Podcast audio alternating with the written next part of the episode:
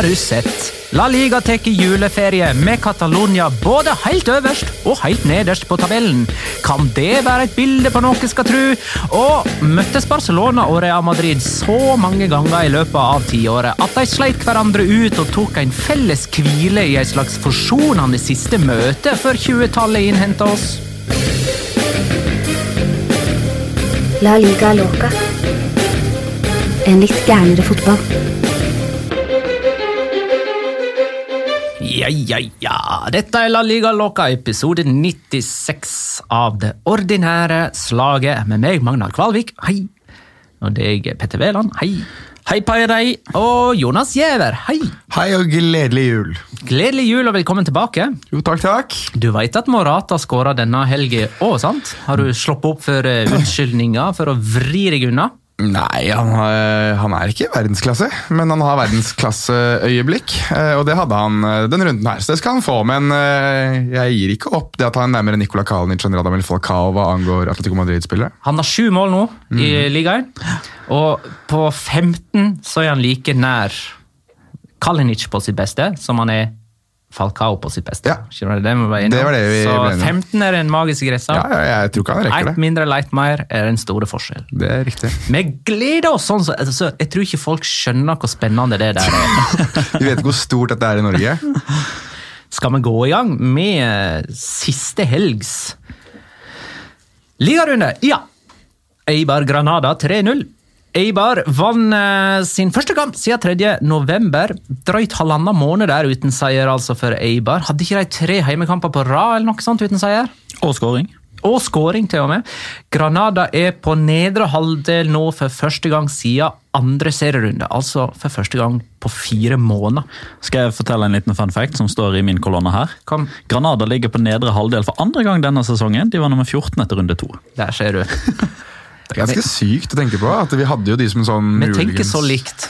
Ja, men at Vi hadde en sånn ganske, vi tenkte jo at det kan det liksom være overraskelsespakka i år fordi det rykket opp. og Du, du har kanskje ett lag som virkelig overrasker litt, og så hadde du Osasuna med den rekka der de ikke tapte på hjemmebane, og så hadde du Granada som var oppe og liksom kjempa i Europa. og nå er bare, altså, Den pila peker rett ned. ass. Men vi gikk heldigvis ikke på den samme smellen som i fjor når vi begynte med Alavester. og sånn. Altså, det ble aldri noe Granadester.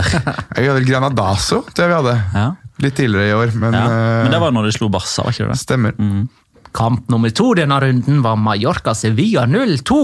Ny Mallorca-kamp, nye straffespark. Det 17. straffesparket i den 18. Mallorca-kampen ble omsatt i skåring av Ever Banega. Eh, Midtstopper Diego Carlos skåra 1-0-målet for eh, Sevilla. Det var hans andre for sesongen. Han har dermed like mange som Luke de Jong. Sevilla har flere borteseiere denne sesongen enn hele forrige sesong, og har allerede tatt like mange bortepoeng som hele forrige sesong. Så, nå skal jeg starte en VAR-diskusjon her, men jeg bare kjører på med den, den Ante Bodø-situasjonen. Altså, jeg får litt sånn vondt ja, de der greiene der. Når Den offsiden, eller? Ja, den offsiden. den marginale. Jeg får litt vondt av de situasjonene. Altså, jeg skjønner at det er nødvendig, kanskje. At det kan være forskjellen på opprykk og nedrykk og det som er, og det det vi har argumentert for. Men i det tilfellet her så satt jeg og hadde litt vondt da jeg så det, skal jeg være helt ærlig. Likte ikke det, liker ikke akkurat den bruken der, men sånn er det. Ja, at, det er, at man tar sånne knappe offsider. Ja. Eh, det der er det veldig mange av i Premier League. Har dere den samme opplevelsen som meg, at det der skjer mye oftere i England enn det gjør i eh, Spania? Nei, men det debatteres kanskje litt mer, fordi det det er skjer kanskje litt mer i høylytt. England. Det kan hende. Men uh, fikk ikke, altså den Sevilla-straffen den ble ikke dømt straffe opprinnelig. Nei, jeg trodde det var det du skulle få vondt av. For da Ja, er det liksom den er subjektivitet syns- inne i bildet. Jeg Ja, jeg føler liksom offside er offside, og så kan man Ja. liksom like det eller ikke like det, men vi- det må vi nesten forholde oss til. Men, og, og den straffen som Sevilla fikk, var den så klar og opplagt feil at Nei, man jeg- kunne liksom gripe inn og si eh, døm straffe i stedet for å la den situasjonen gå? Der er jeg igjen tilbake på et argument som jeg fortsatt ikke vet om er valid, men som er min teori. Eh, og det er at man, man ser jo ofte det når man eh, zoomer inn på dommere etter en situasjon, så ser man at de prater. De prater, de si- forteller hva de oppfatter og ikke oppfatter i den situasjonen, og basert på det så, så kan VAR-dommer eh, Videodommer, sier Vi- ja, videodommer. Video assistant referee-dommer, Ja. sa du nettopp nå. Ja, takk, for presisering. Eh, Men i det, i det tenkte caset der, da. Hvis Gil Sano sier Han er på ball, utelukkende på ball, filming, ingenting. Hvis det er det han sier, så syns jeg at, eh, at eh, videodommer gjør helt rett i å faktisk be han om å komme og se på den. For da har han helt åpenbart ikke sett at det er kontakt. Han har misoppfatta hele situasjonen. Er det derimot sånn at jeg ser kontakten, men det er ikke nok, da er jeg helt uenig i at han skulle Skjønner dere? Ja da. Fordi man ser alltid at dommer er veldig aktiv, både i kroppsspråk Nå har man alltid den der, nå blir jo ikke dette synlig for de som hører på, da, men man starter med, liksom, med strake armer foran og så ut til sidene for å vise at nei, dette her er ingenting. Avviser. Det, her er det ingenting. Men samtidig så snakker de alltid, og det gjør de for at videodommer skal få en ref, et referansepunkt for hva dommeren faktisk har sett og ikke. Best, beste på det der, bare den der håndgreiene der, Albarola Rojas. Han er kongen av det der eh, si Og han dette er er rå. ingenting. Han er så rå. Kongen av alt. Vi går videre til Barcelona Alaves 4-1. Um, vi skal komme tilbake til Classico senere. De spilte jo 0-0 mot Real Madrid på onsdag. Barcelona. Det var deres første poengtap hjemme denne La Liga-sesongen. Men eh, med uavgjort der og seier mot Alaves så sørger de altså for å gå ubeseira på kamp nå hele 2019. Eh, og hvor mange mål eh, har Messi skåra dette kalenderåret? 50. 50. Du er på 50, ja. Pedrito Numeros er på 49. Ja. Eh, og eh, han er òg på at han skåra 90 mål i eh, 2013, var det? 2012. 2012 var det. Mens andre har 91. Det må jo være den Alexis Sanchez-skåringen som eh, Som aldri Men var. eh, i alle fall sterk prestasjon av Messi, og skåra 50 mål i 2019, eh, selv om det var 41 mål færre enn i 2012. Han har altså nådd 50 skåringer i samtlige år dette tiåret, bortsett fra i 2013, var da han skåra 45. eh, Stusslig nok. På, Eh, Så det var, det var jo den sesongen han var ute et par måneder på høsten der og eh, bare, spilte 47 kamper. Ja. Taper, altså. Men da skårer han altså et Da skårer han jo færre mål enn ett per kamp, da. Ja, og det hører jo ingen stads hjemme. Eh, mer om El Clásico etter på Villarreal Getafe 1-0. Eh, ja, Villarreal fortsetter å sette ut feller for storklubber som er i reell kamp om europacupplasser. Husker du vi prata om uh, Mubarak Wakaso? For det er vel Wakaso Mubarak. Jeg klarer ikke å bestemme om det er Det er Mubarak Wakaso. Det er det, ikke sant? Ja, Ja, jeg ok. tror det. Mubarak Wakaso, Men det er uansett. litt sånn Ola John eller John Ola. Ja, ikke sant? Er det John Obi Miquel, Obi John Miquel, Miquel John Obi? Uansett. Okay. Mathias Oliveira denne runden her hadde jo det, sitt hold my beer-øyeblikk til, uh, til Wakaso Mubarak Mubarak Wakaso. I det at han klarte å pådra seg to eh, gule kort på tre minutter, drøyt 15 minutter vel etter å ha blitt byttet inn. Så um, Og der har du forklaringen på denne overraskende Villarreal-seieren. ja, selv om de skåra før det, men Ja. Fikk Mubarak så gult kort denne helga? Ja, det gjorde han. selvfølgelig gjorde han det. Ehm, To Så- i metallet hadde det også. Dette var en fullt fortjent seier, Magnar. Det var det, ja. kan ikke engang du være uenig i. nei, akkurat nå så er vi areal 11 poeng over nedrykksstreken, men får Havi Kajeha den anerkjennelsen han fortjener for den prestasjonen? Altså, Dette er altså så kappe, vind, eh, snu-materiale at eh, jeg koser meg. Men eh, de, Det er faktisk kun tre trenere som har flere kamper i La Liga nå som Villarreal-trener. Ja, Manuel eh, Så han, Manuel eh, Pellegrini er en av dem. ja, Benito Floro. Ja, han er den andre. Eh, Manuel Pellegrini er jo snart ferdig i Westham. Ja.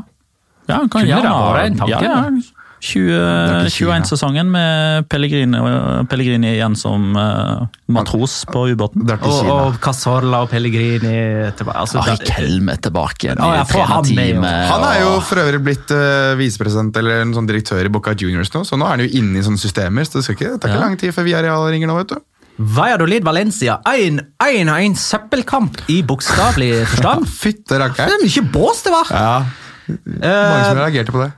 Valladolid hadde fem seriekamper på rad uten scoring, men tok ledelsen her i det 83. minuttet ved et frispark av Guardiola, der ballen var én centimeter masse og menos over linja. Men bare sånn eh, et lite apropos her. Eh, Mener du at VAR ikke skal ta den heller, da? Jonas, siden det bare liksom er så Nei, det er ball, marginalt? ballen er over streken der. Altså det, er- det er jo første, og, første regel for mål er ball, hele ballen skal være over streken. Og det, var- det, det var den jo her, så det, det syns jeg er greit. Og vi er tilbake til den gode gamle hvor hen setter streken-debatten. eh, Eller hvor hen setter grenser for videodommers involvering. Men den Nei, skulle- er vi ferdig med! Jeg skulle ta en vits som jeg syns var litt gøy. At Du sa at det var så mye, at det var så mye søppel på banen, Ja. men Eliakim Mangalawa spilte jo ikke. Nei. No, noen måtte kompensere, mener du? Ja, ja, ja. Kompostere er vel kanskje mer som er riktig for hans del. Eller for å bruke et, det- det eh, et ord som bare Magna bruker. da. er så grusomt dårlig! Altså, Du trenger ikke sette han i den båsa der. Skal vi se. Båsa? Er det noe jeg sier? Bås. Ja, boss. Ja. Ja. Ok, greit. Ei boss, bossa. Eh, Valencia utligner altså fire minutter på overtid. Te. Slik, Partei! slik Benzema gjorde jo på Mestalla for en uke siden. Eh, Valencia har avgitt fem poeng med baklengs på overtid, og dette var første poenget de tok med scoring på overtid. Litt utypisk Valencia å komme tilbake i denne kampen. De skulle jo egentlig tape etter så mange sterke resultat mot lag som Chelsea, Ajax, Real Madrid og lokalderby og sånne ting. Snakka ikke med om det i forrige episode, Jeg tror det var typisk om eh, Valencia tapte denne mot Valladolid. Vinner jo ikke, vinner jo ikke mot Valladolid eh, altså på José Soria med mindre kampen er fiksa uansett, så da er det jo greit. Det, Så her er kampfiksing-mistanke. Når den Nei, ja, men, men de spiller jo ikke noen god kamp, og jeg syns egentlig ikke at det Valladolid spiller noen god kamp heller. Det er en, altså det er jo Nei, det var en søppelkamp i dårlig kamp. dobbel forstand, kanskje. Ja, altså, men, men det var jo en oppsummerende kamp for Valencia sitt tiår. Altså, at der de rett og slett har det veldig kaotisk i nesten alt de foretar seg. Ingenting fungerer. Men så klarer de på en eller annen måte å skrape med seg noe på slutten uansett. Helde hodet over vatten, Ja. liksom. I løpet av lørdagen der, så forsøkte jeg så godt det lot seg gjøre å ikke få med meg noen resultater. Eh, fordi jeg jobba jobber med VM for klubblag-finalekampen. Chris Robin Eriksen gjør jo det til en fullstendig umulighet. Han sender meg eh, DM-er på Twitter. Det setter jeg veldig pris på når jeg kan åpne disse DM-ene. Eh, men eh, i en ehm, i et svakt øyeblikk eh, så rakk jeg ikke å holde foran iPhone i det jeg så på den. altså Det er jo sånn Face-ID, så den åpna seg, og bang, der var sluttresultatet i Valladolid Valencia en realitet. Eh, Men det var jo faktisk et godt poeng han hadde, fordi det aller siste målet Valencia skåra i 2018, det kom òg fire minutter på overtid. Cristiano Piccini som ble matchvinner der hjemme. Ja.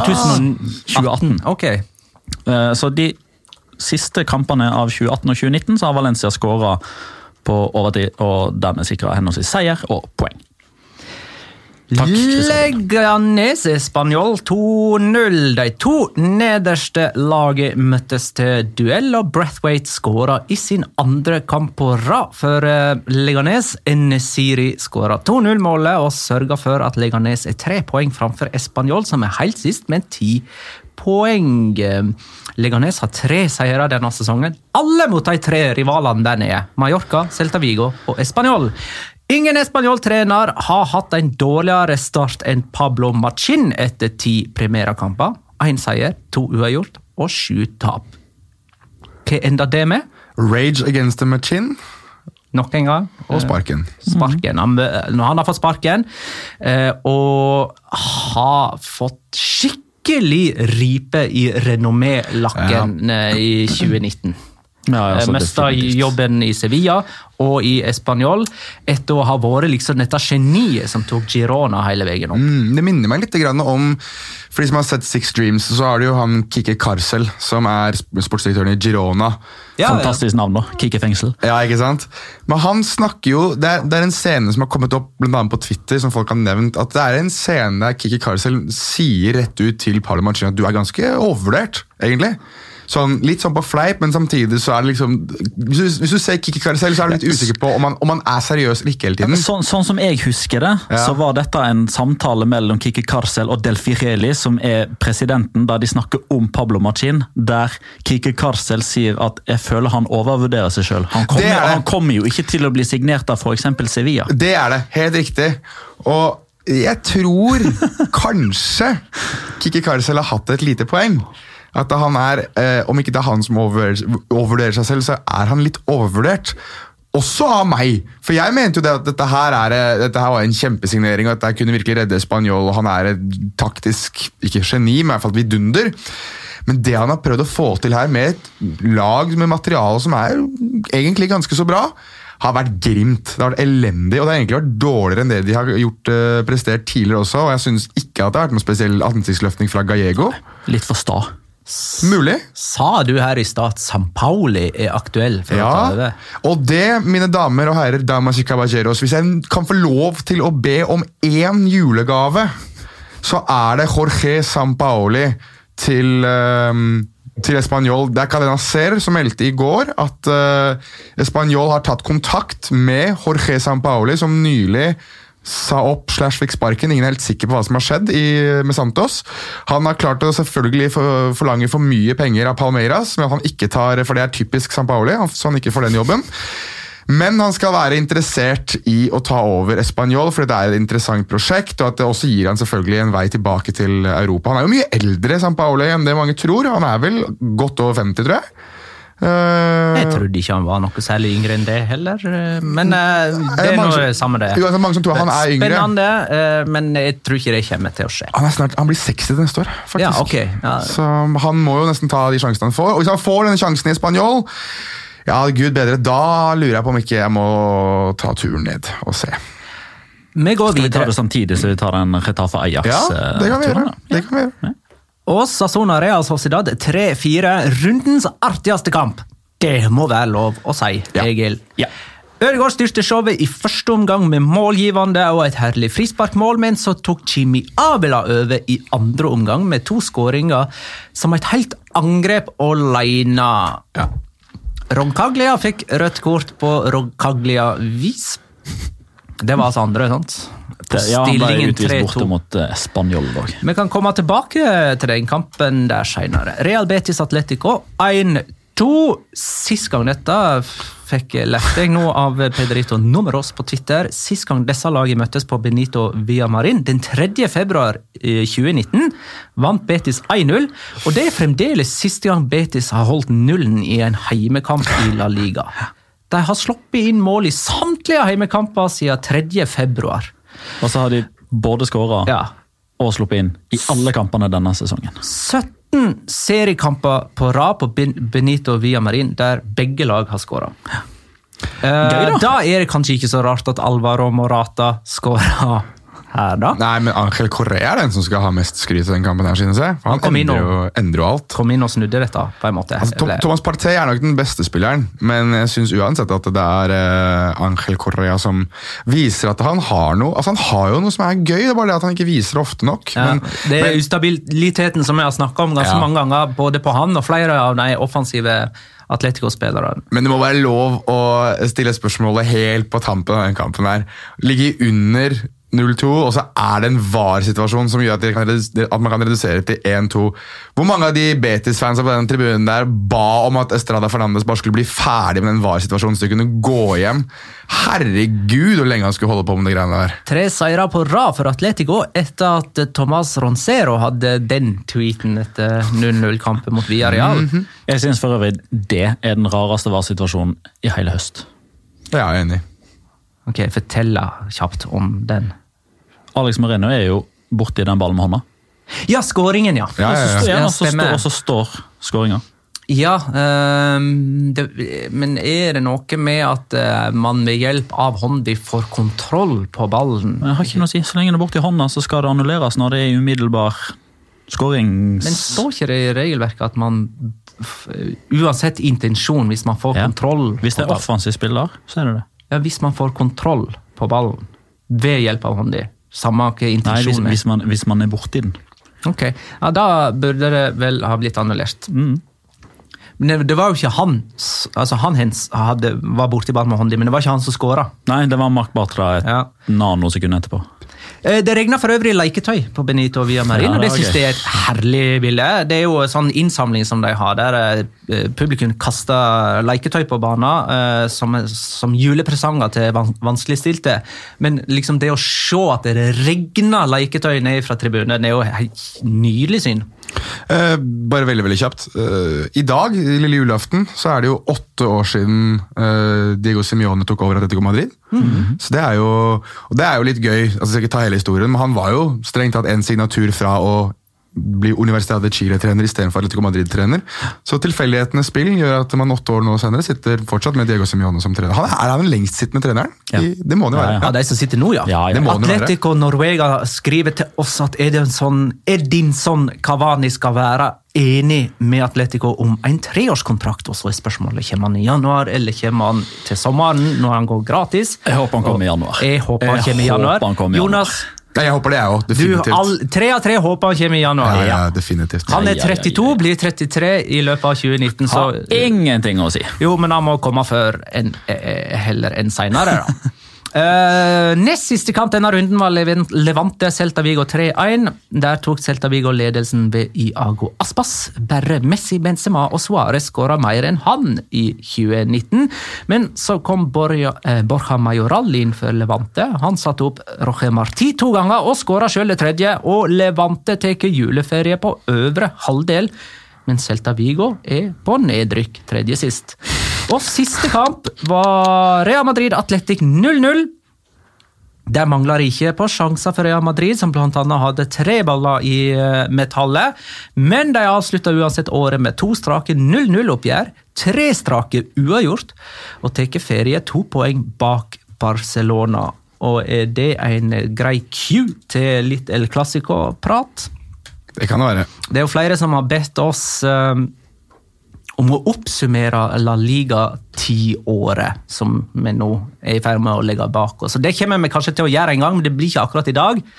Eh, men eh, tiårets siste El Clásico blir jo på grunn en påminnelse om det tiåret vi har lagt bak oss likevel.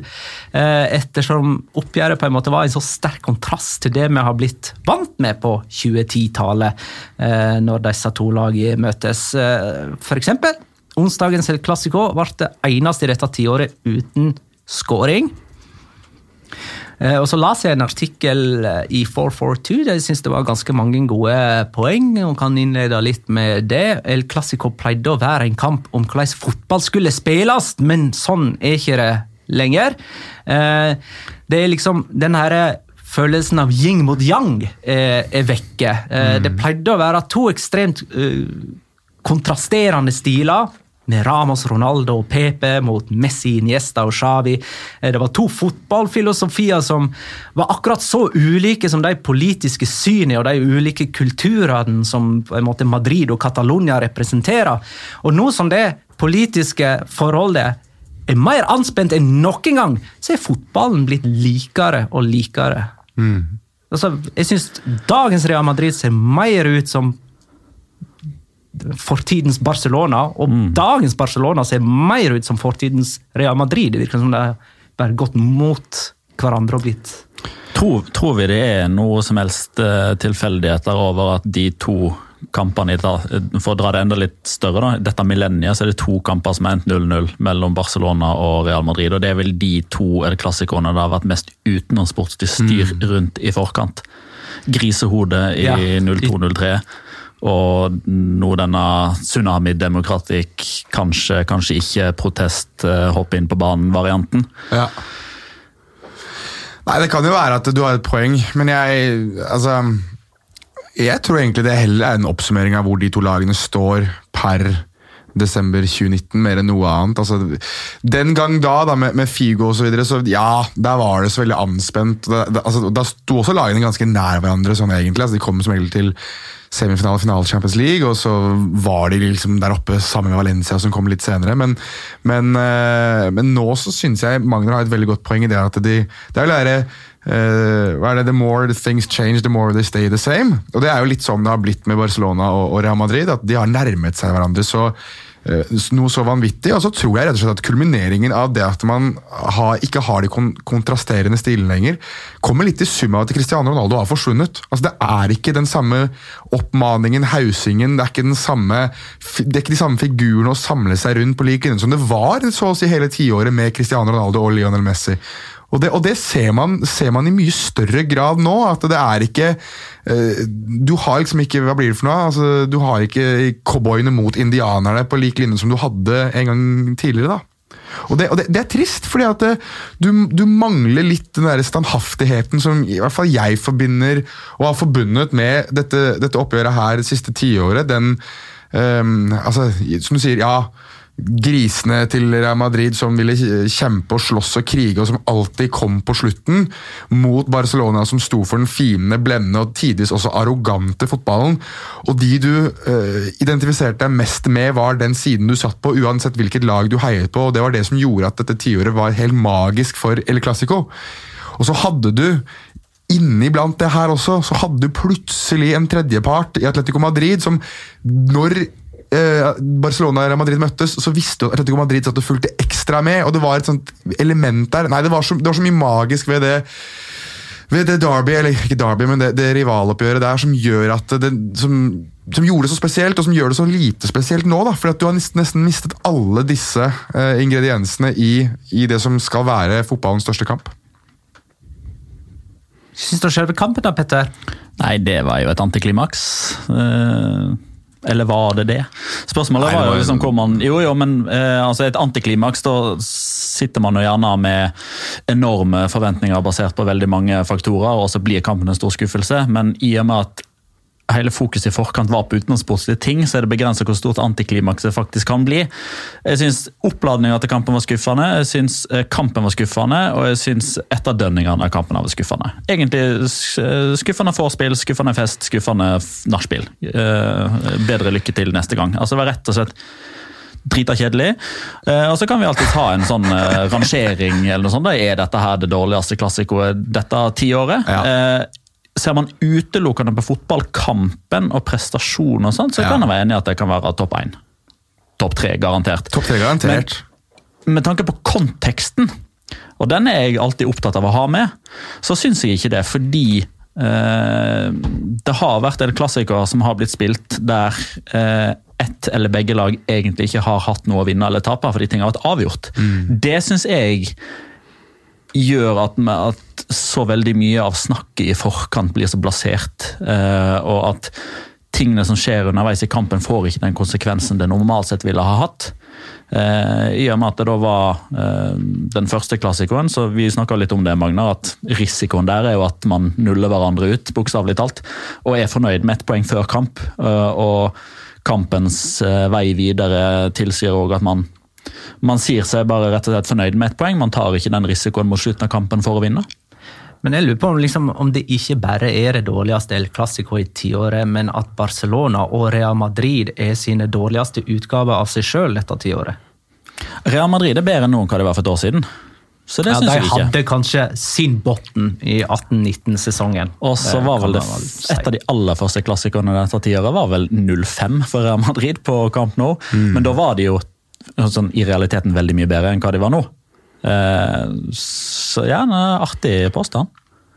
Jeg eh, kom på her om dagen eh, faktisk at jeg òg kommenterte det siste El Clásico forrige tiår, i tillegg til dette tiåret. Ah. Husker dere siste El Clásico forrige tiår, eller? 0-10-0-10, Var det Pellegrini det, eller? Pellegrini mot Guardiola, ja, riktig. Jeg husker ikke resultatet. skal jeg være helt ærlig. På kamp nå, eller på Santiago Banabeo? På kamp Nou. Altså den Camp Nou-kampen som var før 5-0, da? Altså ja, det sånn blir det. det blir det. For det var jo 5-0 eh, var jo med første mm, Real Madrid-sesong med Mourinho som trener. 10-11. Ja. Ja, hvis dette hadde vært en sånn når da, ja, eh, så, så hadde du åpenbart tippa 2009. Men eh, nei, kan det ha vært 1-1? Nei, 1-0 og Zlatan Ibrahimovic. Ja, den der ja, volleyskåringa. Ja, eh, på innlegget. Den, den, den, var jo ekstremt hypa, husker jeg. Det, den var ekstremt hypa, ja. og han levde ikke på noe ikke sett opp Nei. til den hypen. Nei. Så begge de to siste tiårets El Clásico har vært like skuffende, egentlig. Og en, en av de snakkisene som satt igjen etter den kampen, det var at Thierry Henry hadde reagert på en Ja. eller annen hens som ikke ble dømt. Som jo eh, eh, var veldig spesiell med tanke på at han nettopp hadde hensa Frankrike Ja, til VM på bekostning av Irland. Ja, så husker dere det? Vi snakka faktisk om dommerne for ti år siden òg. Ja. Nei, men- skulle du sett, men, men- det var ikke en sånn her eh, scoring-hens, eller kunne ha blitt mål-hens. Det var en hens midt på banen-type. Men vet du hva jeg husker best fra det oppgjøret her? Det var det at det, eh, det ikke ble vist på norsk TV. Det var jo rettighetskrig rundt tidspunktet. Jeg det, jo. kommenterte da for det? Kanal Pluss. Hvor var det jeg så da? For jeg fikk ikke Nei, det var eh, Jeg mener jeg husker at det var eh, Å, herregud, hva heter det for noe? De, eh, de som hadde Herregud, hva heter det? TV Provider heter det på engelsk. De som gir deg TV. Get kanal, altså, De som ikke hadde avtale med Ja, hadde ikke avtale, så jeg måtte, jeg måtte lete meg fram til. Så Det var den gangen hvor du satt og hørte på litt sånn Ja, Allah! Åh! På sånn shady, shady stream. Så jeg fikk ikke med Magnar sin kommentering, men jeg fikk med meg da ty- Men du hørte han sikkert han satt sikkert rett ved sida av meg og skreik inn i meg? Ingen... Veldig mulig, men Nei, det jeg stemmer. Jeg var ikke på kamp nå. Den, eh, en, av den- on, en av onklene mine som satt og kommenterte. Jeg er eh, araber, for de som ikke vet. Men det betyr Husker, altså husker, du hvem som ble utvist i den kampen? Nei, Det var to utvisninger i den kampen. nei, siste kampen i 2009. PP. Jeg gjetter jeg på. Oi, jeg ser det her nå. Jeg har den framfor meg. Eh, PP det, tipper jeg eh, det er feil. Eh, jeg veit det. Ja. Ta da. Men det, der kan jeg faktisk ikke huske. Busquets ble utvist. Husker ikke. Og Real Madrid-spilleren husker jeg ikke. Han ja, jeg. Jeg, jeg, de kan sikkert glemt at han var der. Uh, oi, eh, Hint. Hint. Royston Drenthe. Eh, Det er en eh, annen med samme etternavn som òg har spilt for eh, Mamadou Diarra! Nei, det er Lass! Det er Lass. Lass Diarra. Ikke skrik inn i Sorry, mikken, eh. Jonas. Beklager, Eh. Og i den 5-0-kampen, da, for å ta den, altså året etter, så Mm. var jo eh, Mamadou Diara på benken, og han ville ikke inn. Stemmer det. Ja. Stemmer det, da han takka høflig nei. Nei, dette ble mye god mimring. her. Ja. Nå har vi gått Kan gjennom hele tiåret. kan, jeg bare, kan jeg bare slenge inn siste målskåreren på 5-0-kampen eller i 5-0-kampen nå? Jeffren Suárez. Hæ? Man har hatt Louis, man har hatt Dennis, og man har hatt Jeffren. Det er så nydelig. Tiåret slutta med Barcelona på topp. De har vunnet La Liga sju ganger dette tiåret. Og med Real Madrid som nummer to, de har vunnet La Liga to ganger dette tiåret. Atletico Madrid burde være nummer tre, siden de har vunnet én gang dette tiåret, men det er ikke de. Så det er Sevilla. Og så er det kanskje også litt uh, symbolsk at eh, f- dette tiåret begynte med Barcelona som verdensmester, eh, og fortsatte med Real Madrid som tre ganger verdensmester, og avslutta med en verdensmester fra Premier League. Er det en pekepinn på hvor hen vi er på vei inn i det nye tiåret? Det kan det være. Det kan fort være det. Historien viser jo at sånt går i sykluser, og det er jo egentlig ganske lite som tyder på at eh, Premier League-lagene er noe dårligere denne sesongen enn hva det var forrige sesong. De har samtlige lag videre, men det har La Liga òg. Så det er liksom, hvis det er et skifte her, så, så mener jeg at da er det på mange måter eh, Premier League sin honnør, mer enn at det er La Liga sin i hermetegn feil. Det er litt gøy å tenke på at eh, altså Hvis du ser på slutten av siste tiåret og dette, dette tiåret her nå José Mourinho trener, trener et lag som spiller i hvitt. Pep Guardiola sin største stjerne er en argentiner. De er begge i England, ikke i Spania. Det er litt sånn, det er en del likheter. eh, som Hvem er den største stjerna til Pep Guardiola? Sergio Aguero? Ja, ok, Noe vi mener Kevin De Bruyne. Jeg Men, ville ha sagt han er belgier. Uh... ja, jeg kan Men, være med på den. er. Angrepsstjerna, da, kan vi si. Altså, Angrepsstjerna til Pep Guardiola både da og nå er en argentiner. Ja. Ved nummer ti, for øvrig. Ja, ok, Med god vilje der, da, så kan, Kan man si det sånn. det er jul, Magnar. Det er lille julaften. Kan du ikke være litt med innimellom? Her? Kan ikke være med. Fytti rakkeren, ass. Vi, vi går videre, tror jeg. Dette, men det, det er helt fint, det, Jonas. Men, det, men, det, men ah, det dette beviser, der har vi det, er jo at vi må ha en sånn mimreepisode. Vi må Ja. det. Ja, vi må det. Ja. Vet dere hvem som skåra det aller første målet i La Liga dette tiåret? Å, herregud. Altså, januar 2010. Ja. Nå begynner jo du på det vi ikke skal gjøre nå. som vi skulle egentlig Jeg, vet men jeg, bare, jeg bare må si det. Han ble for øvrig assistert av Joaquin. Eh, Da er det en Valencia-spiller. Ja, og det, det var òg på overtid, sånn apropos siste kamp i 2018 og 2019. Roberto Soldado. Nei, han er mye høyere. Sigurd. Ja. Nikola Zigic. Han eh, er sånn en som man glemmer, eh, men som dukker opp på en sånn quiz, bare helt tilfeldig. Hvordan skal vi snakke om norsk suksess, har jeg skrevet her, som eh, overskrift på vårt neste segment. Vi har fått en tweet fra Arve Grøsvik. Dere må gjerne nevne at Ødegaard gjør det brukbart, men please ingen nisselue-episode der han blir sammenlignet med Messi, Maradona, Pelé osv. Jan André Moraz Hagen skriver bare hyll Martin Ødegaard, bruk gjerne mer enn noen minutter, gjerne en time. Vi har ca. 25 minutter igjen av denne episoden, så det blir ikke en uh, time. Nei. Fant vi ut hva nisselueekvivalenten til Spania var for noe? Chorizo. Ikke slutt å tygge chorizoen, var det ikke det du sa? Jeg så en gang på Twitter noen foreslå eh, sånn tyrefekterantrekk som eh, flere spanske supportere hadde på Ullevål i høst. Ja. Sånn som de alltid har, uansett hvor de drar hen. og- Det er litt nisselue etter det, er ikke det? Jo. Jeg har jo hatt det på meg på eh, julebordet til Seymour City. jeg. Men eh, jo, Martin Ødegaard sine prestasjoner. Det går eh, egentlig en eh, vill debatt rundt om i Medie-Norge og blant eh, brukere av norsk media om eh, hvorvidt det er for mye omtale og for eh, altfor eh, drøy omtale av norske personligheter som presterer eller får internasjonal oppmerksomhet i en stor idrett. Dette gjelder jo for så vidt Solskjær, Braut Haaland. liksom Uansett hvem norsk media snakker med, så skal de snakke om enten Solskjær eller Braut Haaland Ja. eller Ødegaard. Uh, og det spørsmålet jeg sitter igjen med, er liksom, når det gjelder Ødegaard og hans prestasjoner, er at må vi sette ting i et sånn enormt stort perspektiv? Kan ikke vi liksom bare ta og se på det som faktisk skjer i en fotballkamp? eh, Hvordan rolle han har i Real Sociedad, hvordan han utøver den rollen, hvordan han møter sine motstandere, hvordan andre medspillere gjør det, og motstandere gjør det. I stedet for at vi skal til å rangere hvor god han er i La Liga sammenlignet med alle andre som er i La Liga. Altså, Glemmer ikke vi selve kampen, da?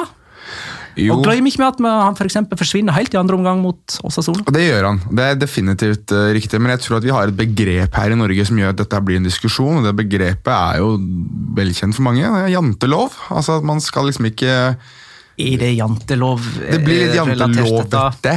At man ikke skal kunne hype noen eller mene at noen gjør det bra for at de er fra samme nasjon som det du er selv, eller at fordi at de er en av dine egne. At man ikke skal tro at vi er noe bedre enn det vi er.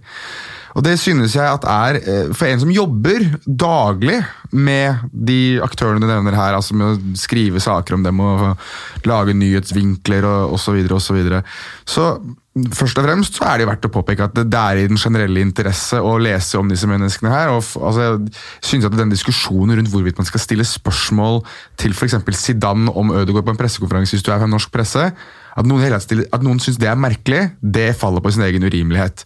At, at det kanskje tidvis er for mye stoff, at det, det blir for det kommer kommer ikke på det norske begrepet, men saturated heter det på engelsk. Eh, At det blir for mye av det, det, det kan jeg forstå. Men at man, vi ikke skal fokusere mer på det at Martin Ødegaard gjør det bra fordi han er norsk, det, det blir veldig veldig rart. Jeg tror kanskje noe av det som gjør at man har kommet dit nå, er at man i litt for stor grad alltid skal forsøke å finne den koblingen til Ødegaard eller Haaland eller Solskjær.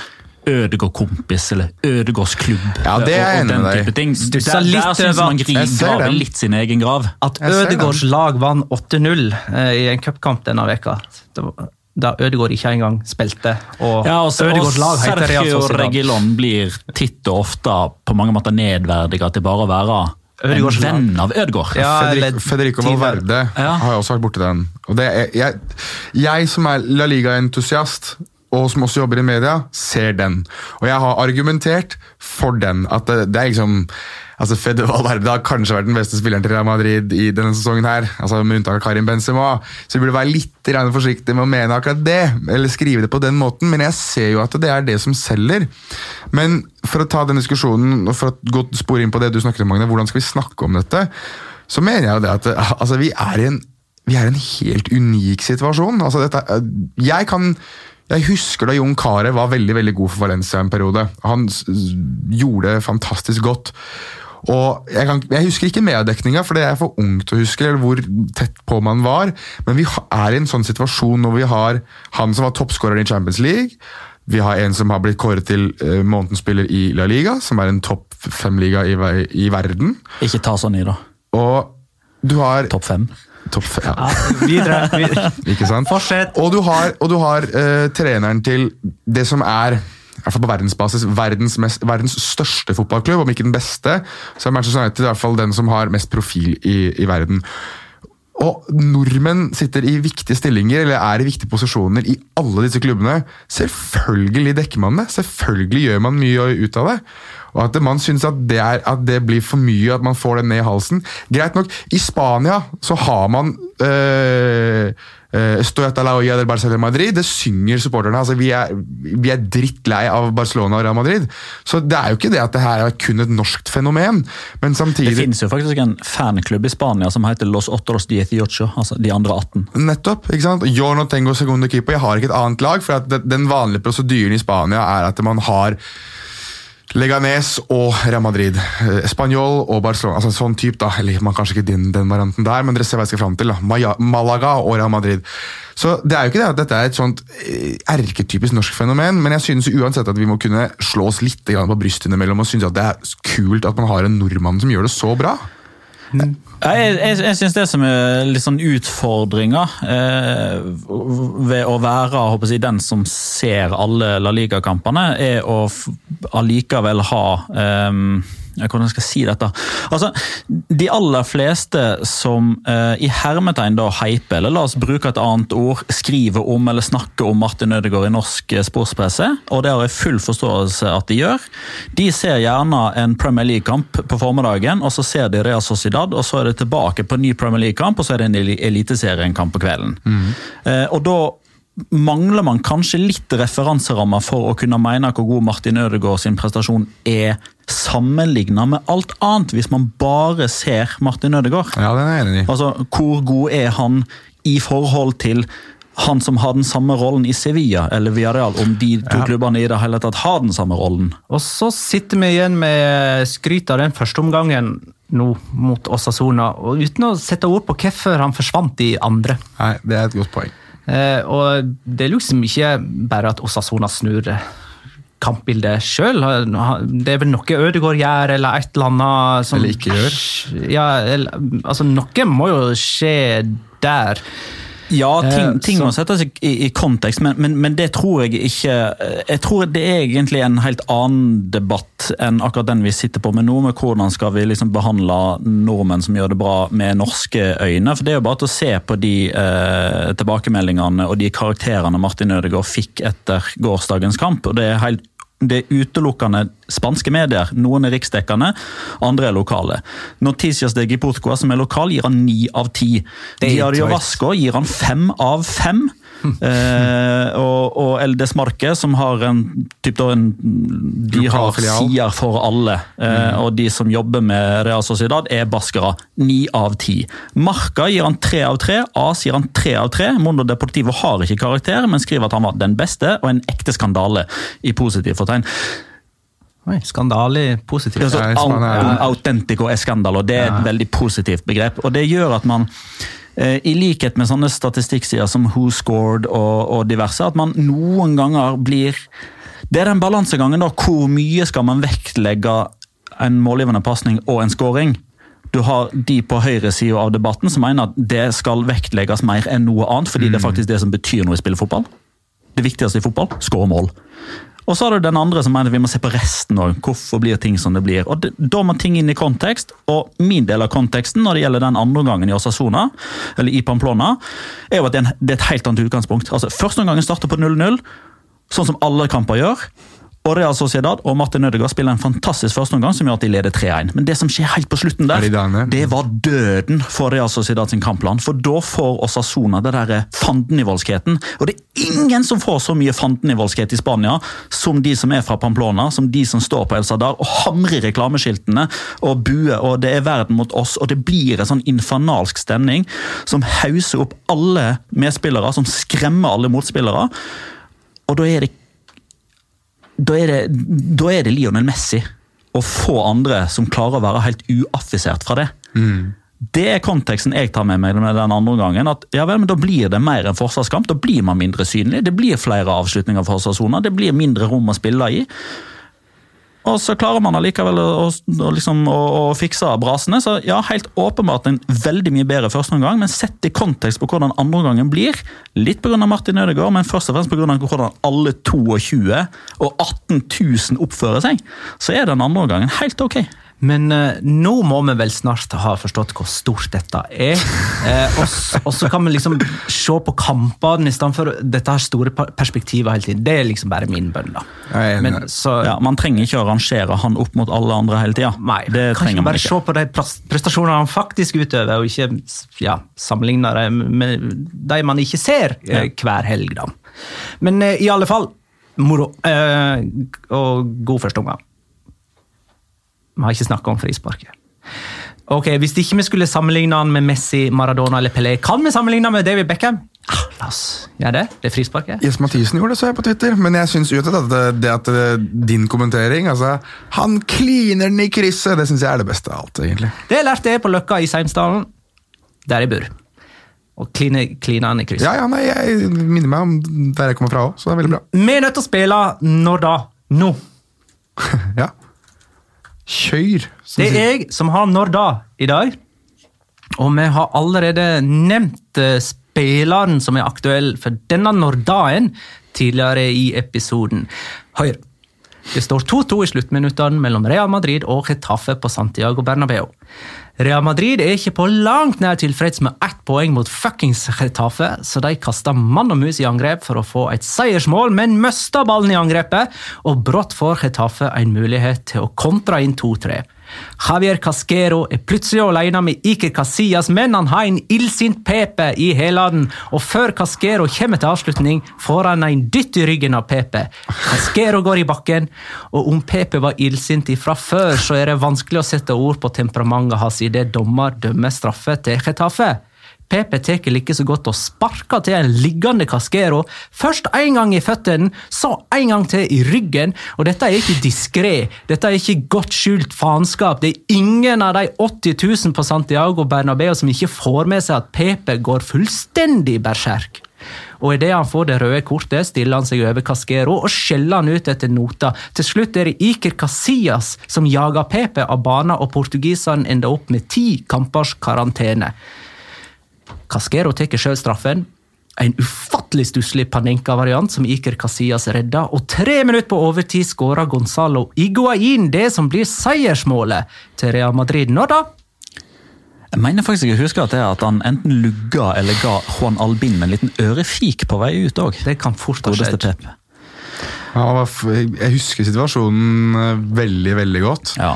Han sparker han jo, altså, Først sparker han i beina, og så i ryggen. Så, Mm. men, men han sparker han jo ikke i ryggen, men han- altså, han, knottene hans liksom Rasper sklir, liksom ja, sklir over ryggtavla Han må ha noen lange streker på ryggen, à la det Varan hadde etter siste El Clásico. Det Uten sammenligning for øvrig. ja, Så mener jeg husker at det var, eh, det var Frode Olsen som kommenterte den kampen. Der, Ja, men jeg husker. det var Dette var TV 2. Ja. Så det er jo det Det er, vil jo da bety at det er slutten av 2000-tallet, før 2010. det er det jeg tenkte, jeg òg. Jeg prøver, prøver å regne ut fra hvem som hadde rettighetene. Ja, jeg mener å huske at eh, Kanal Pluss overtok de rettighetene fra TV 2 eh, før starten av 2009-2010-sesongen. Eh, Kanal Pluss begynte med Cristiano Ronaldo sin debutkamp for Real Madrid mot Deportivo la Coronia, mener jeg husker. Jeg Ja, jeg mener Jeg husker draktene. Eh, Jeg husker, for jeg husker fanten på, på numrene og navnene. Det er sånn som jeg Real Madrid byttet det, og bytter det også veldig ofte. Og jeg mener, Dette er åpenbart på slutten av 2000-tallet. Jeg tror jeg er på 2009. jeg. Ja, jeg er på 2008 eller 2009, men jeg kan være med på Jeg tror det er 08-09-sesongen. At det er på vårparten. Ja, for jeg, Det husker jeg, for det var varmt i lufta. Jeg så kampen på TV. Ja. Eh, eller varmt, det var i hvert fall lummert. Men jeg, jeg, sier, jeg sier 2009. Ja, jeg gjør det. Det er riktig. Hey. Det var på vårsesongen 08-09. Eh, to runder senere møtte Real Madrid Barcelona på Santiago Bernabeu, og de tapte 2-6. Mm, det var da det, ja. Ja, det var, fordi, Med PP ute med karantene, altså. Men dette var faktisk litt gøy, for jeg, jeg, jeg hadde helt glemt det, Casquero både tok straffen og bomma på straffen. ja, grusom straffespark. Francisco. Javier Casquero han jobber for øvrig som eh, han sitter i ekspertpanelet til eh, La Liga TV. Ah, kult. Skal vi prøve å se litt på høstsesongen vi har lagt eh, bak oss? Um, det er mulig vi um, har tatt dette spørsmålet her før, men eh, det er kanskje verdt å ta det igjen eh, fra ESI fotball. Hvilke spillere har overraska, mest positivt denne sesongen, og hvem har skuffa mest? Jeg lurer på om jeg har tatt den før, men ja, ja. Nå er vi nå kommet til slutten av høsten. Ja, En ny, en ny del av sesongen. Så overrasket meg skal vi ta først, da. Eh, som man tenker at, Men da kan vi jo nesten ta hvem, hvem som helst, sånn i uh, alt etter konteksten her. Men jeg må jo, første jeg vil skyte inn da, er jo Vi, vi har snakket om det i nesten halvannen sesong, om at Real Madrid har manglet uh, dynamikk og manglet liksom Ja, ordentlig på sprut på midtbanen. Ja. Og vi har sittet og gått gjennom spillere de burde kjøpe, men det interessante er jo det at de har hatt denne spilleren i systemet sitt hele tiden. Fordi Real Madrid med og uten Federico Valverde er natt og dag. Eh, så han, eh, altså, han er en ung utgave av Arturo Vidal. Det, det står jeg på, og, og det mener jeg. at han har, Hvis han blir litt mer målfarlig, så er dette Arturo Vidal reborn. Eh, Og så har han òg noe ekstra å spille på. eh, For det, jeg vet ikke om dere la merke til det, men i, eh, under kampen mellom Real Madrid og Atletic Club så kom det jo opp en grafikk oppe til venstre med raskeste spiller på Ja. hvert lag. Ja. Han er faktisk kampens raskeste spiller Ja, i en kamp der Inyaki Williams er med. Ja, det var, jeg noterte meg akkurat det samme. 34,2 mot 34,1. Skal bli far òg, hørte jeg. Så han er eh, kanskje han, det er litt ansvar det her han føler på også. Men eh, Santi Casolla, da? Ja, han står her òg. Ja. Eh, og det er jo definitivt i positiv forstand. Eh, det trenger vi vel kanskje ikke poengtere. men han, han var jo mer eller mindre fast for Villarreal forrige sesong òg, så han var liksom ikke det at først nå er han liksom tilbake inn etter den ankelskaden, men det er det at, at det har vært så bra. Tilbake på landslaget. Eh, han fikk vel en eh, altså Comebacket var vel i juni mot, eh, mot Sverige. Eh, og så snakka jeg litt med en fyr i NFF-systemet inn mot eh, den kampen som Spania skulle ha eh, på Ullevål. Og da hadde jeg på mange måter avfeid Santi Casola. Nei, han, han spiller nok ikke den kampen. Han fikk den kampen på, på hjemmebane som en sånn takk for alt. Jeg hadde på mange måter avskrevet han på det internasjonale nivået, men han er der, og han er fantastisk god.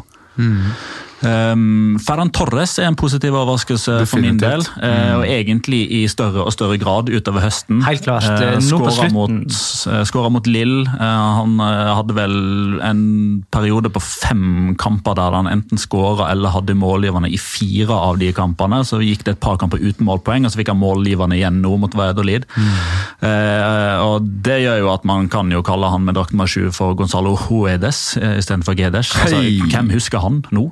Altså, Han er for øvrig en av mine store skuffelser. Gonzalo Kedes. Ja. Men, men Eh, kan, kan jeg ta en fra Vaidolid, da? Mohammed Salisu i, Ja. i Forsvaret. Han har vært ekstremt spennende og ekstremt god i så å si hele sesongen. Altså, jeg synes at det er, noe robust, men, men Han er rolig. 21, ikke han det? 20, tror jeg. 20 til og med. Han er en 21. stor utgave av Jene Dakonam. Ja, men eh, altså, Jenny Dakonam er jo litt mer rabiat og litt mer sånn kaster seg inn i det som er Salisu kan gjøre det, men jeg, jeg har, det er mer Han har hørt litt mer på Paolo Maldini. Ja, det er mer trygghet med Salisu. Og jeg synes at uh, Han kommer ikke til å spille i, uh, i Valladolid neste sesong, tror jeg, sånn som han holder på nå. i hvert fall, For det er fantastisk spennende. Jeg tror heller ikke han kommer til å spille Kan jeg, Segunda. kan jeg vri den andre veien med, med å ta en annen ung spiller som jeg synes har vært skuffende? Samuel Chukwese. Jeg hadde større, jeg hadde større forhåpninger. Større forhåpninger. Oi. Jeg vet, jeg vet. Han er, han er nesten på benken på mitt eh, sesongens lag. Nei, jeg, på sesongens lag det, er, vi er, har det må være Villarreal-briller. Så Skal vi, skal han vi ikke vært. ta Håkon Myklebustad, eh, årets lag så langt? Har du seriøst har, har du det? Ja. Han er game changer hver gang.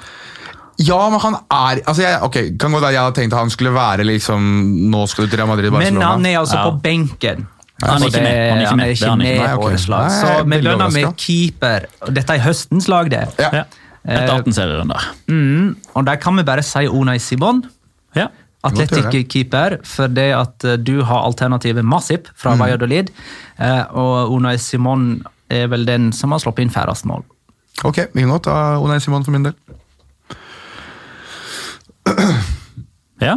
Ja, Jeg og du- tenkte på, Hadde han noen gode redninger nå mot Real Madrid? Ja, på, det, det var den som Cross skjøt via skuldra altså, Ja. opp i tverrlegger. Han skal jo ut der og ta den, så det er jo Han må jo få for den. Men, men det er jo stødig, og, og det er viktig å ha en kontekst der òg, med at uh, dette er keeper som har kommet opp etter Kepa Arrizabalaga, og som egentlig var tiltenkt rollen bak Alex Remiro, som jo eh, forsvant eh, nå til eh, Real Sociedad i stedet. Så, så denne keeperrekka til Atletic ser ganske sterk ut sånn de siste årene.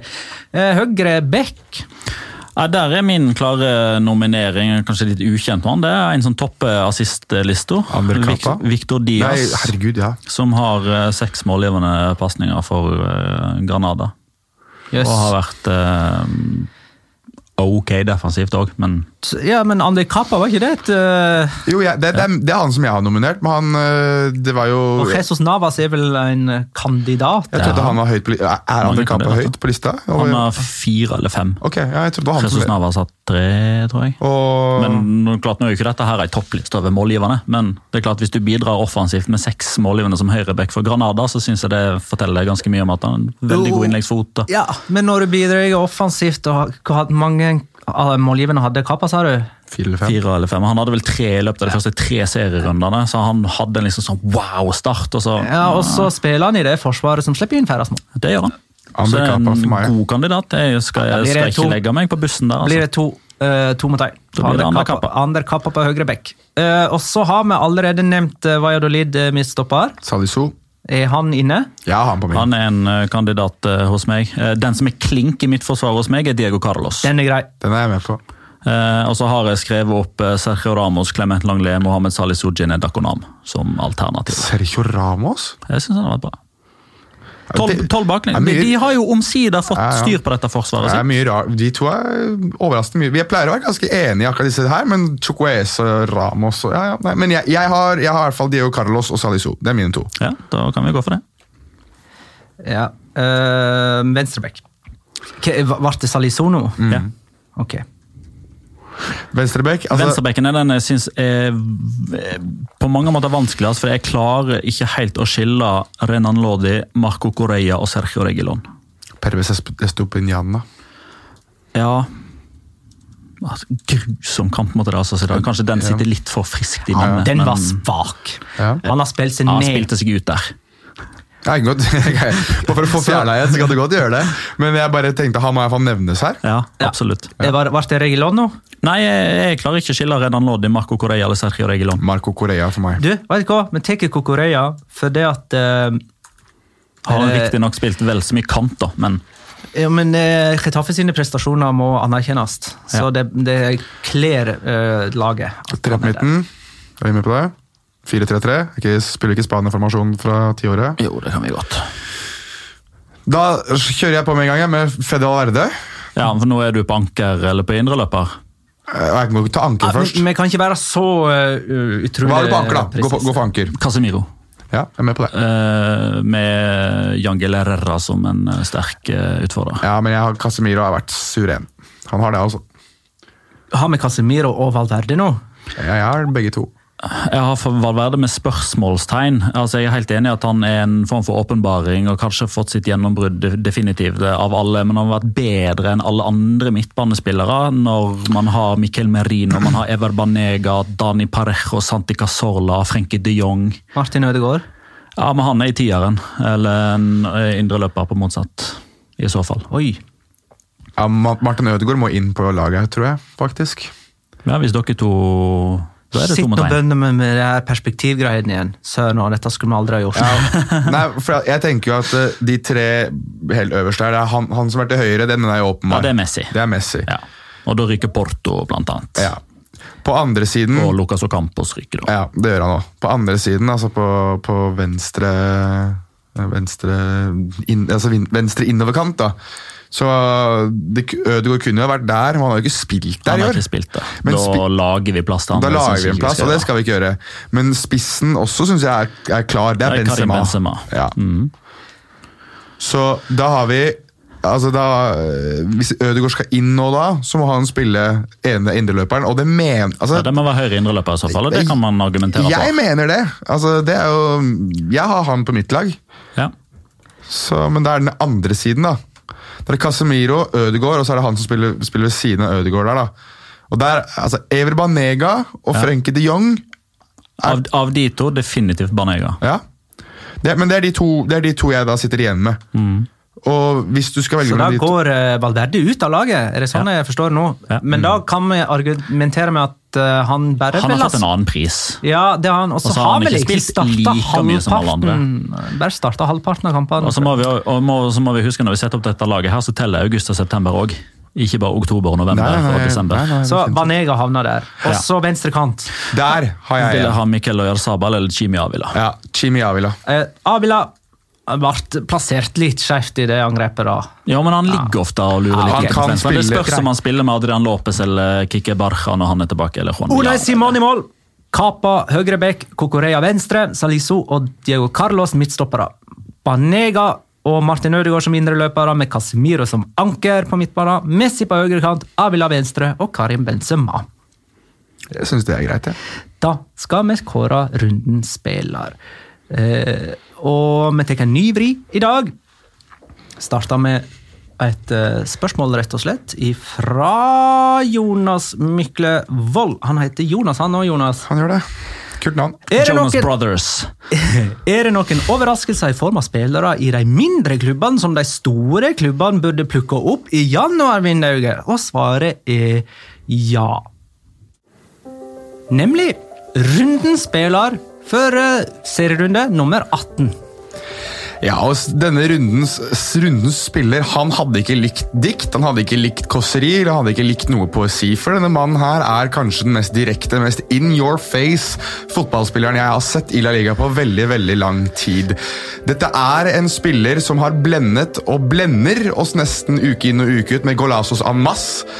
Men han gjør det på en sånn måte som tenker at vet du, dette er en skikkelig ordentlig arbeidshelt. Dette er en mann du kan bli glad i, for han er en av oss. Jeg ville kalt, faktisk har kalt han for en arbeidshest, fordi det har jo faktisk blitt sagt av Chimi Avila sjøl i ganske mange intervjuer at når han var ung gutt i Argentina, så kom han fra en fattig familie, og den måten han kom seg til treninga, det var eh, rett og slett på hesteryggen. Fram og tilbake, fram og tilbake. Men hvis han egentlig er glad i hest, så tenker jeg mer på han som en slags bokser. For at han virker som en kar som kom, hver gang kampen starter, så er det første runde. Ding, ding, gong, gongen går. Og han virker alltid som hver eneste luftduell er en rak høyrehook fra enhver spiller han møter. Han er altså så ekstremt innbitt på å vinne hver en duell. Han svetter og blør for hver eneste ball, og han er en sånn type spiller som jeg tenker at hvis du er supporter av det laget, og du ser han, så tenker du ja, det er personifiseringen av alt jeg ønsker en fotballspiller skal gi. Ikke nødvendigvis fordi han har talent eller fordi han er såpass god, men fordi han gir absolutt alt for det laget jeg er glad i. Og hvis han skal sammenlignes med en bokser, så flyr han kanskje rundt som en eh, sommerfugl, men han stikker i som en bie. Han stanger som en okse, Meira. Ja. For han ser litt oksete ut, og det eneste han mangler tatoveringer, er horn i panna.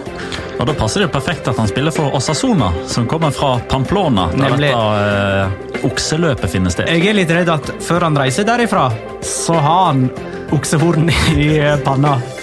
Tatovert inn. Og kanskje reiser han allerede i januar. Kanskje det. Eller så kan vi Så håpe mener, at eh, større klubber har Ja, vi kanskje. Sevilla, Atletico. Kanskje han drar i januar, men for nå så spiller han på El Sadar. Det er Timmy Avila. Der ser du! Gratulerer og lykke til, Chimi Avila. Da er det tid for Locora! Ukens La Liga Locura. Locura. Locura. Locura. La Liga Locura. Kan jeg få begynne? Det kan du. Ja. Jeg begynner med en eh, Locora som er relevant både for eh, siste serierunde og hele tiåret vi har lagt bak oss, eh, spør du meg.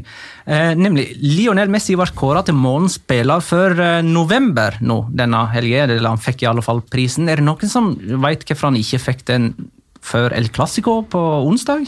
Det var en Sikkert fordi det var Real Madrid som var motstander. Kanskje det. Eller kanskje de ikke hadde kåra eh, eh, månedsspillere enda, selv om det var halvannen vei, to og en halv uke inn i en ny måned. Men i alle fall, eh, månedsspillerkåringen starta i 2013. Eh, da vant Messi ingen. Han vant heller ikke månedsspiller i løpet av 2014 eller 2015. Men i 2016 vant han endelig månedsspiller før januar. Etter å ha kjempa i tre år for å få den prisen, eh, kunne han endelig løfte trofeet i vintermåneden januar. Og hvis noen lurer på om han var for god liksom, til å få den prisen, at det, det var liksom bare de menneskelige karakterene som fikk prisen inntil eh, 2016, så hadde altså Cristiano Ronaldo fått prisen to ganger før den tid. Så, eh, men gratulerer i alle fall til Lionel Messi som månedsspiller i november. Han har vel flere Ballon d'Or enn har månedsspiller. Han har seks Ballon d'Or og fem månedsspiller siden 2013. Så jeg sier sitt om La Liga. Altså. Jeg gjør det.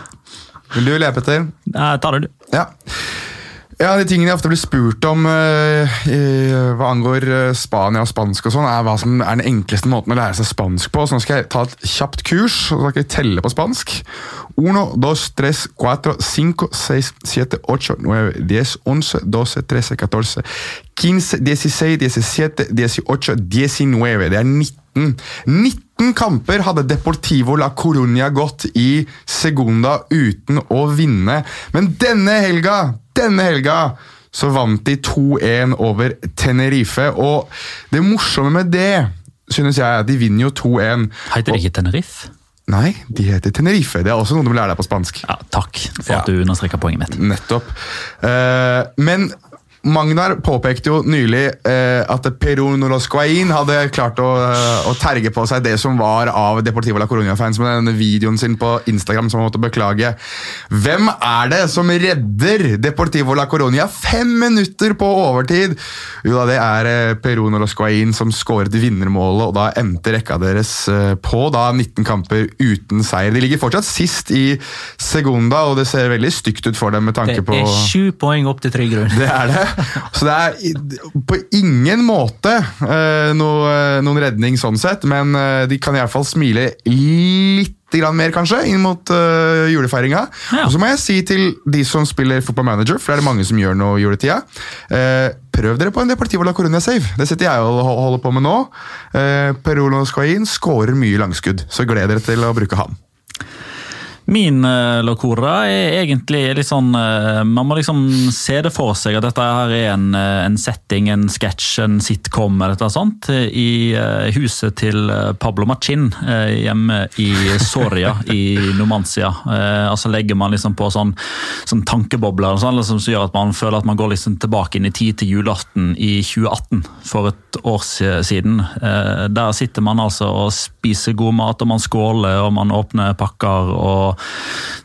Ting er bare bra. Altså Pablo Machin er trener for Spanias tredje beste lag, Sevilla. De er videre i Europa League, de er videre i Copa del Rey. Eh, han snakker som, som den neste store treneren som kommer fra Spania. Alt er bare velstand. Eh, og så kommer 24.12.2019. Da har Pablo Machin eh, kun dager, eller kun dagen i forveien da, fått en eh, god jul. Og by the way, du har sparkenmelding fra Español etter å ha tatt fem poeng på ti kamper. Den svakeste opptredenen i løpet av sine første ti kamper som Español-trener gjennom historien. Og det at han er Español-trener, betyr jo òg nødvendigvis at tidligere på året så fikk han sparken i Sevilla. Så god jul, Pablo. Rage against the machine. Ja, han er fin, den. Skal vi tippe litt, da? Det kan fort eh, bli to uker til neste La Liga Loca-episode. Og vår forrige kamp var Barcelona-Rea Madrid, som gikk onsdag. Eh, Der hadde jeg 2-1 til Barcelona med Suárez som førstemålsskårer. Det gir null poeng, og jeg står da på 17. Petter hadde 2-2 med Benzema som førstemålsskårer. Det gir ett poeng. Du har òg 17, Petter. Jonas trodde, som meg, på Barcelona-seier 3-2 med Messi som første målskårer. Null poeng på deg òg, Jonas. Du har 13. Vart vi enige om hva som skulle være neste kamp? Enten Real Sociedad via Real søndagen etter nyttår, eller Sevilla Atletic fredagen etter nyttår. Nei, vi ble ikke enige. Nei.